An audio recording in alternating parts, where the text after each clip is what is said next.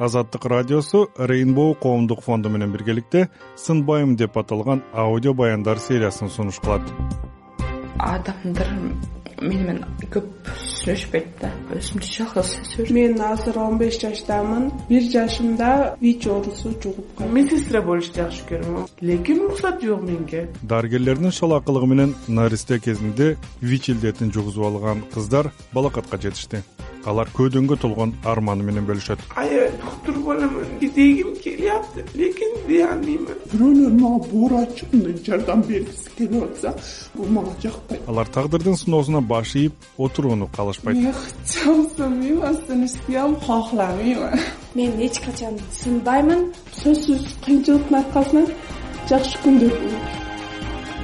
Сынбайм деп аталган баяндар сериясын азаттык радиосунан азаттык чекит орг сайтынан социалдык баракчалардан жана подкаст платформалардан тыңдаңыз.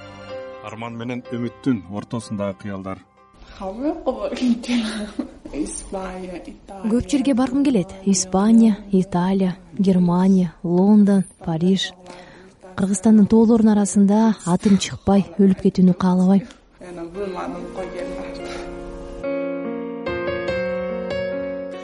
Европага барып дүйнө кезгиси келген бул кыздын аты софия жашым он беште үч жашымда. Жашым он беште үч жашымда бейтапканада вич жугуп калган экен. Узак өмүр сүрүүнү ким эле каалабасын мен эч качан сынбайм мен хотел сынбайм сынышпайм кохламайм сиз азаттыктын сынбайм деп аталган баяндар сериясынын алкагындагы кезектеги уктурууну тыңдай баштадыңыз. Бул берүүдө бала кезинде дарыгерлердин шал акылыгы менен вич жугуп калган азыр өспүрүм курактан өтүп жашоодо ордун табуунун аракетинде жүргөн кыздар тууралуу баяндайм. Аты жөнүм санжар эралиев бүгүнкү каарманым ноокаттагы мектептердин бириндеги алдыңкы окуучу башкалардын катасынан улам тагдыры дарыга байланган софия баарын күлүп жеңгенге аракет кылат. Өзүнүн суранычынан улам үнүн өзгөртүп берем. Э, мен эмеге хамма дары ичмесе мен дары ичемин эмеге унака уртагаларым дары ичишмайт экүү десем бала кезимде мени кыйнаган бир гана суроо бар эле. Эмнеге досторумдун эч кимиси дары ичпейт да мен эле күнүгө ачуу таблетка иче берем дээрлик күн сайын апама ушул суроону берчүмүн. Сенин жашооң башка досторуңдун жашоосу башка. Сен башкалардан өзгөчөсүң бул сен үчүн витамин деген апамдын жообун жаттап калгам.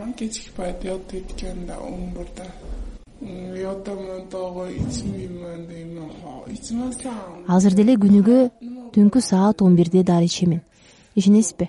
Ошол дарыны ичпөө үчүн ар кандай шолтоо ойлоп тапкым келет. Анан кайра ойлонуп муну ичпесем жашоом эмне болот дейм күнүгө өзүм менен өзүм талашып тартышам. Кээде өзүмө боорум ооруп кээде өзүмдү мактап мажбурлук менен дарыны ичем дарыны ичишке мажбур кылам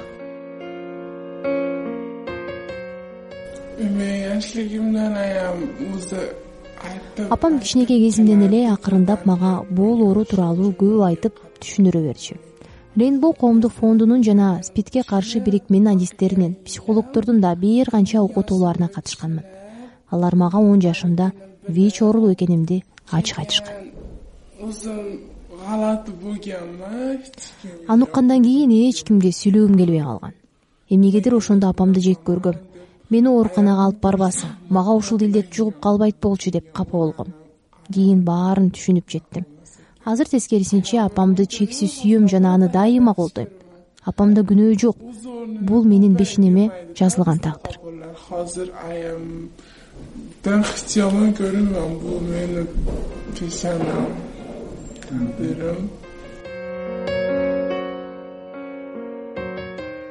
Бир марта хафа болуп дегенмин журналды окасыга жашоомдогу эң жаман окуялардын бири үч төрт жыл мурун мектепте болгон. Класстык журналдын артында окуучулар тууралуу маалымат жазылган жер болот эмеспи? Класс жетекчим баардык классташтарымдын аты жөнүн тушуна ден соолугу жакшы деп жазып менин фамилиямдын алдына вич деп жазып коюптур. Аны классташым көрүп калган. Анан мага вич турбайсыңбы деп айткан. Ошол коркуума аябай таанынгам бакыган холатлар көп болгон азыр өзүмгө койгонмун мени капа кылган учурлар өтө көп болгон. Азыр эч кимге таарынбайм көнүп кеттим. Башкалардын эмес өзүмдүн жакындарымдын кодулоосуна кабылгам ата энем ажырашып кеткен. Апам башка турмуш курган. Өгөй атанын колунда. Калаты күл арыды да үстүмдө будто бала кезде өзүмдүн атамдын үйүнө барып турчумун. Бирок атам менин үстүмөн көп күлгөн.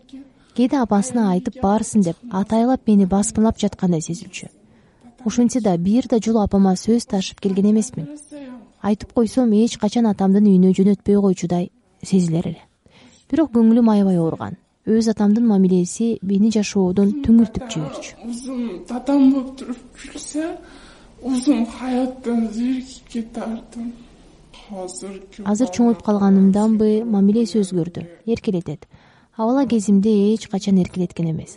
Башкалардын аталары кыздарын эркелетишет мектепке алып барышат.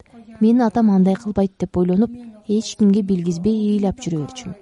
Азыр капа болбойм. Мага алардын мээрими керек эмес көп менин өтө чоң ниеттерим бар. Бизнес кылууну каалайм. Бирок көбүрөөк мамлекеттик жумушта иштегим келет. Кээде ырдайм бугумду ыр менен чыгарып алам. Деги өтө көп кыялдарым бар.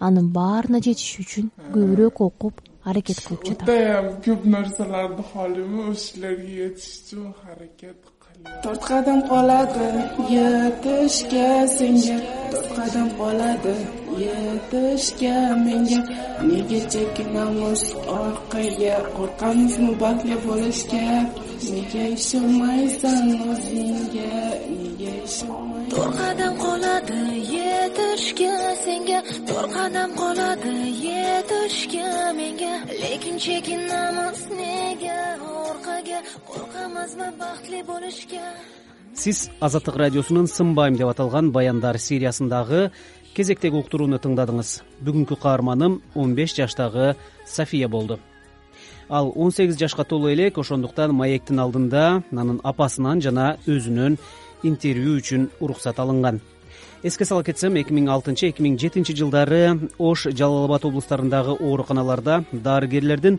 шалаакылыгы менен үч жүз сексен эки наристеге вич жугуп калган. Алардын айрымдары жашоо менен кош айтышты. Көпчүлүк балдар кыздар чоңоюп азыр балакатка жетип калган кез. Аларга мамлекеттен жөлөк пул эл аралык уюмдардан республикалык спид бирикмеси аркылуу акысыз дары берилип турат. Кийинки уктурууда софия сыяктуу дагы башка кыздардын баяндарын тыңдайсыз. Менин аты жөнүм санжар эралиев